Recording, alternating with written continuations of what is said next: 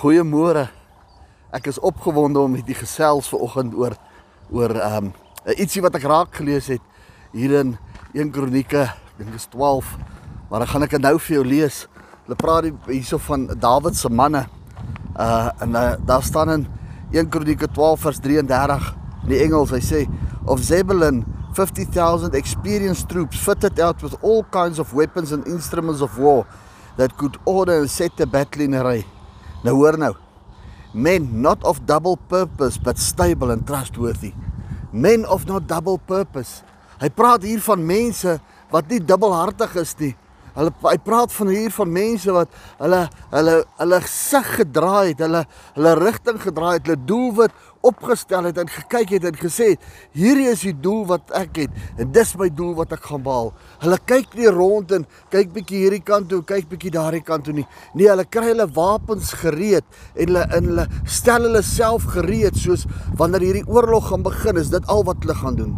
Hulle gaan op die oorlog fokus want Hulle weet as hulle as hulle nie heeltyd hulle oog en hulle ore en hulle hele sig, hulle visie, hulle hulle doel alles by die oorlog bepaal nie en hulle wil bietjie rondkyk, dan gaan hulle seer kry. Want dan kan jy nie sien wat kom van voor af nie. Sien my boetie, my sussie het al gestap in die pad in 'n grondpad, 'n ongelyk pad en jy kyk nie heeltyd vir die pad nie.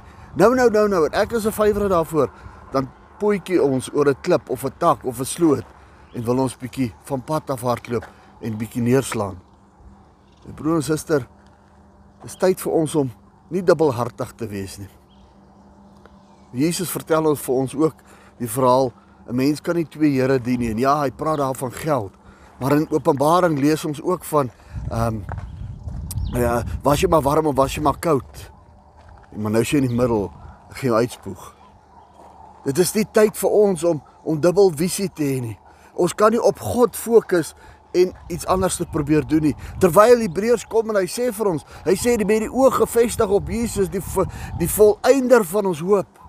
Nou Paulus kom verder en hy sê vir ons, hy sê strek jouself uit na dit wat voor jou lê en moenie na dit te aanhang wat agter jou lê nie. sien voor en agter ons is twee verskillende plekke, is twee verskillende opsies waarheen ons kan gaan. Maar Paulus leer ons, hy sê dit wat voor my lê is baie beter as wat wat daar agter my lê. Jy sien my broers en susters van vir vir vele van ons wat agter ons lê, was die sonde van agter ons lê, was die lewe van van verderf. Maar ons het gekies om die lewe saam met God en Jesus Christus in 'n nuwe rigting in te slaan. En daardie rigting wat ons inslaan lê voor ons, want die sonde natuur van die mens is agter ons. Dit was ons was, is nie meer dit wat ons gaan wees nie. Dit wat was is nie dit wat ons wou wees nie. Dit wat was kan nie ons doel bepaal by God nie. Kom op Paulus hy sê strek jou uit na dit wat voor is. En ek ek staan hier so en ek is so opgewonde as ek vir jou sê strek jou uit laat ek so myself al begin strek het en ek en ek trek so vorentoe. Moenie dubbelhartig wees nie. Want God vir jou 'n plan gegee het. Dan in 1 Korintiërs 12 kom hy en hy gee vir ons um, ons gawes waarin ons opereer. As jy geroep is vir 'n ding, moenie iets anders te probeer wees nie. Moenie iemand anders te probeer wees nie. Daardie ander persoon het sy eie om te wees. Jy gaan 'n mislukking maak want jy's geroep en jy's gevorm en jy's ge, geskep vir een doel. Moenie iemand anders se doel wil wees nie. Dis dubbelhartigheid. Want jou hart is op een plek by God. Maar nou probeer ons in die mens om by 'n ander plek by die mense uit te bring. Ek wil jou aanmoedig vandag. Kom by God uit.